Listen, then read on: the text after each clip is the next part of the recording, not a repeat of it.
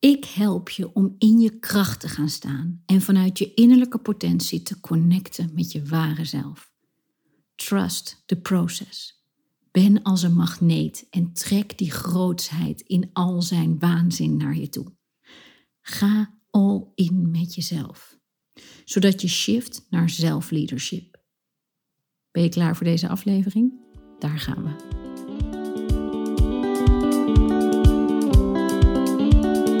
Leuk dat je luistert naar de Wianda Bongen podcast. Als je op zoek bent naar een verfrissende kijk op fotografie en het creatief ondernemerschap, dan zit je sowieso goed. Ik ben fotograaf, geef cursussen, mentortrajecten en ik krijg maar geen genoeg van persoonlijke ontwikkeling. Hier deel ik flarden uit mijn leven, mijn soms wat uitgesproken visie op fotografie en mijn leerweg als creatief ondernemer.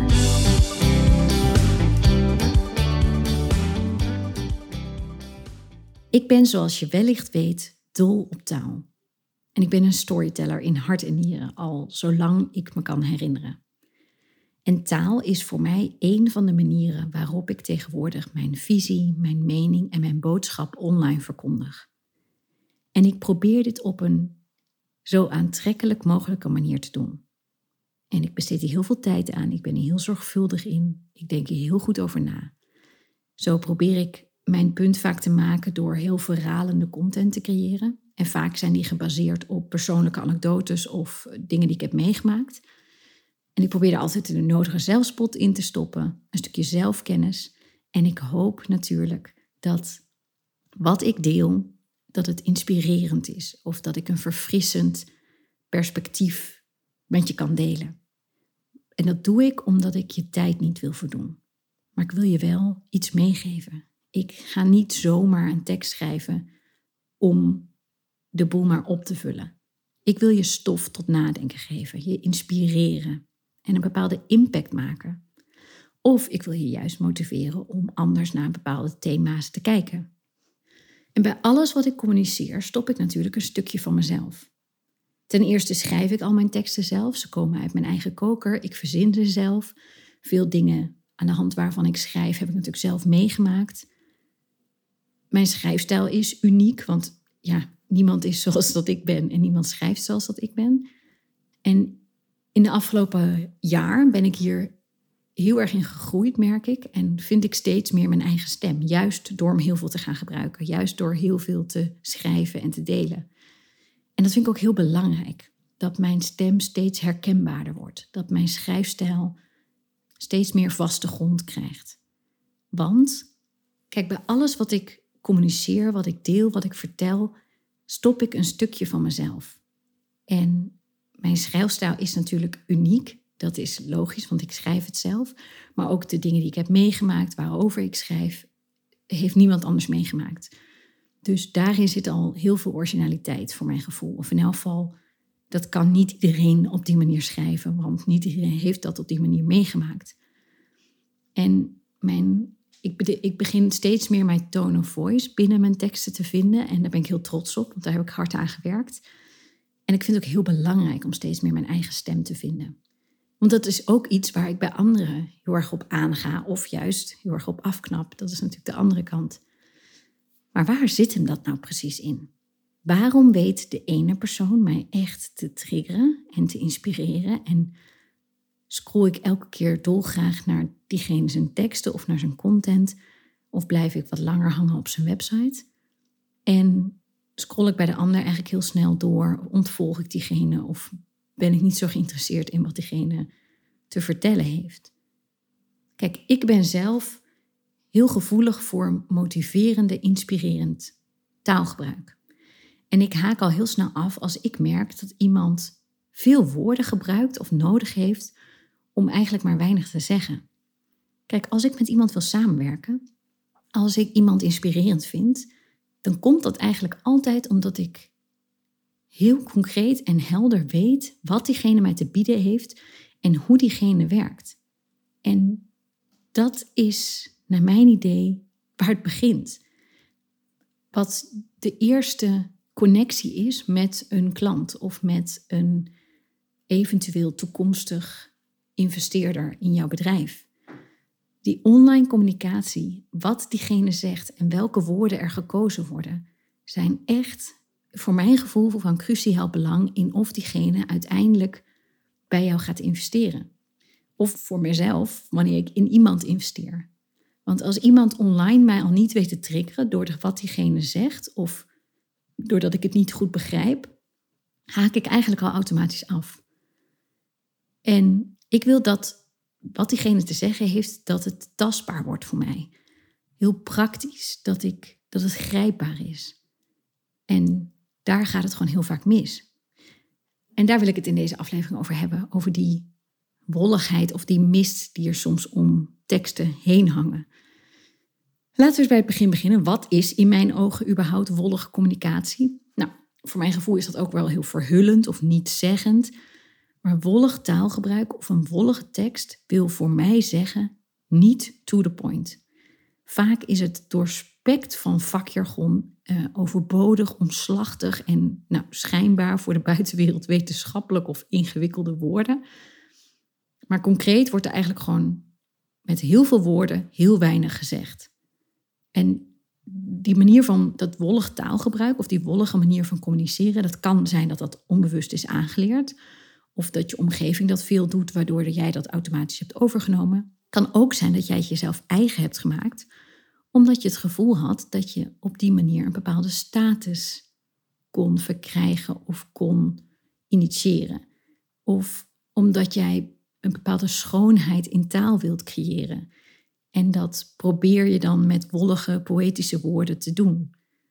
En soms worden wollige woorden ook gebruikt om de eigenlijke boodschap, dus wat je eigenlijk daadwerkelijk wil vertellen, heel onduidelijk te houden. Dat heeft dan vaak weer als oorzaak, omdat de boodschapper zelf eigenlijk ook niet goed weet waar ze voor staat of wat ze wil. Dus als je dan gewoon wat mooie volzinnen en wolligheid uh, de boel aankleedt, dan klinkt het heel wat. Want die, die wollige zinnen, die kunnen heel intellectueel overkomen. Het kan heel erg klinken alsof jij, uh, ja, dat is allemaal heel diepgaand is, heel fancy, heel mooi. Maar wat je zegt is absoluut niet duidelijk of concreet.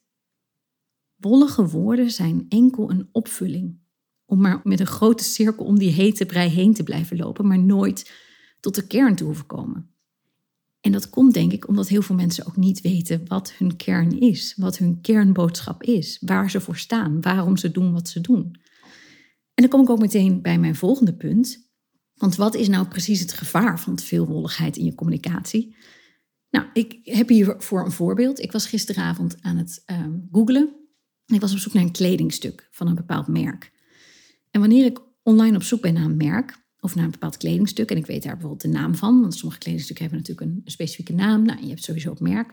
Dan vul ik gewoon die naam in en dat merk op Google. En uh, er komen dan een aantal hits naar boven die mij leiden naar een betreffende winkel, waar ik vervolgens dat kledingstuk kan kopen. Nu probeer ik altijd, ben ik heel erg gevoelig voor bepaalde winkels waar ik graag koop of waar ik die wil, sponsoren. Maar stel je voor dat een van die winkels besluit om dat product wat ik graag wil, niet bij zijn originele naam te noemen, maar een eigen fancy, diepgaande arty-farty naam te geven. Omdat dat nu mooier klinkt, omdat dat past bij hun brand, omdat dat ogenschijnlijk mooi lijkt. Maar als ik dus ga zoeken naar een artikel, komt die winkel niet naar boven in mijn zoekresultaten. En dan ga ik dat artikel kopen bij de concurrent, want ik weet niet dat mijn favoriete winkel ook dat artikel verkoopt. Zo simpel is het. Wat ik hiermee wil zeggen is, als jij je eigen doelgroep al niet duidelijk kan maken, hoe jij hen kan helpen en wat jouw samenwerking of jullie samenwerking hen gaat opleveren, dan zullen ze ook niet snel de stap zetten om uiteindelijk in jou te investeren. Want ze hebben simpelweg geen idee wat ze kunnen verwachten, wat het hen concreet oplevert en hoe jij precies te werk gaat. Kijk, het is geweldig als jij poëtisch heel sterk bent met taal. Maar als je daarmee je boodschap onnodig ingewikkeld maakt, kan je net zo goed je mond houden, kan je net zo goed stoppen met schrijven. Want je boodschap komt niet door je eigen wolligheid heen. Het bereikt niet hetgeen waarvoor jij hem schrijft, namelijk je klant. Ze snappen niet wat je zegt. Zo simpel is het. Als jij je eigen boodschap verhuld in een arty-farty tekst, uh, vol wolligheid en heel poëtisch, Klinkt allemaal leuk, maar wat kom je eigenlijk doen? Wat heb je eigenlijk te bieden? En je steekt dan veel tijd en liefde in je tekst, maar het is zonde van je tijd. En nu vraag jij natuurlijk af, oké, leuk dit, dat je dit zegt, maar wat, wat moet ik dan doen? En hoe voorkom ik die wolligheid? In mijn ogen is het eigenlijk heel simpel. Begin bij het begin. Als jij een tekst schrijft voor je Instagram of voor je website, of als jij iets wil gaan communiceren, schrijf eerst voor jezelf eens heel concreet en stapgewijs op wat jij wilt vertellen. Met welk doel jij dit wilt delen. En wat het de ander op gaat leveren. Schrijf dat eens op. En natuurlijk, die tekst wordt in eerste instantie weinig sexy. En origineel, ja, dat kunnen we hem al helemaal niet noemen. Dat begrijp ik ook wel. Maar ik denk dat het heel belangrijk is dat je begint bij het begin. Het is belangrijk dat je eerst concreet leert verwoorden wat jij voor verschil maakt met het werk wat je doet. Zonder opvulwoorden. Zonder vakjargon. En zonder artistiek hoogdravende wolligheid.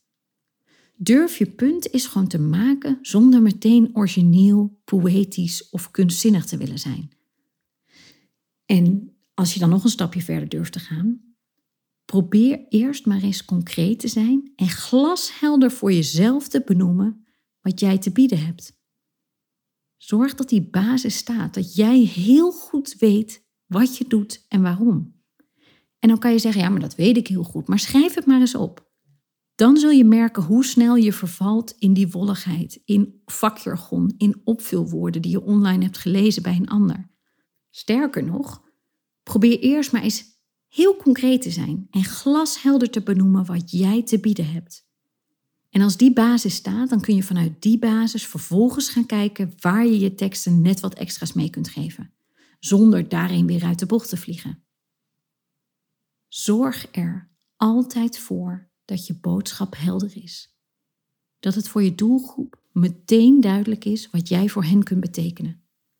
Dan is het maar wat minder fancy en hoogdravend. Want wat heb jij aan die prachtige, fancy, wollige volzinnen als die zijn doel never nooit bereiken? Wanneer jij vooral aan het schrijven bent voor jezelf en je klant ondertussen een deurtje verder gaat. Helemaal niets. Je slaat de plank mis. Je laat omzet liggen en je jaagt je klanten weg. In mijn ogen moet je eerste stap altijd zijn duidelijk maken wat je doet en wat je te bieden hebt. Tuurlijk, vervolgens moet je in een latere fase zorgen dat je onderscheidend bent, dat je jezelf onderscheidend leert neerzetten. Maar dat is niet waar je mee begint. En dat is ook niet waar je over een paar jaar, als je helemaal je eigen stem hebt gevonden, mee begint. Je begint met concreet benoemen wat jij je klanten te bieden hebt en hoe jij te werk gaat. En ook in die latere fase zorgt volligheid enkel en alleen voor onnodig geneuzel.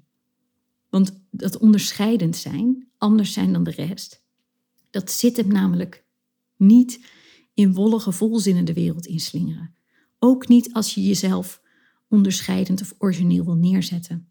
Het zit hem, in mijn ogen althans, in een glasheldere, relevante communicatie. To the point, menselijk en gelaagd. Met andere woorden, jij moet leren jezelf strategisch sterk uit te drukken, zonder jezelf te verliezen of te verzanden in een nietszeggende woordenstroom. Laat dus voor nu je vakjargon achterwege. Verhul je boodschap niet in een dikke artistieke mist en vooral leave de wolligheid behind. Neem eens de tijd om door je Instagram te gaan, naar je eigen content te kijken Ga eens naar je website, lees je teksten eens door. En vraag jezelf eens af: zou een kind van bijvoorbeeld 10 jaar snappen wat jij bedoelt, wat jij zegt? En zou diegene het dan ook nog kunnen uitleggen aan anderen? Goed, dit was hem voor nu. Ik ben benieuwd wat jullie van dit onderwerp vinden en of je je herkent in de wolligheid. Mensen, ik herken mezelf er heel erg in, want ik heb me hier zeker schuldig aan gemaakt. Maar inmiddels heb ik, probeer ik althans dat niet meer te doen als dit je aanspreekt, dan is wellicht mijn eh, nieuwe één op één traject, mijn coachingstraject, wat voor jou. Ik ga hier komende maand, het is nu januari, januari 2023, komende maand ga ik hier meer over delen, nog voor mijn verlof. Houd mijn Instagram, Bongen, hiervoor zeker in de gaten. En uh, nou, wellicht spreken we elkaar dan binnenkort. Bedankt voor nu, voor je tijd. Uh, bedankt voor je aandacht. En ik hoop natuurlijk weer. Tot de volgende.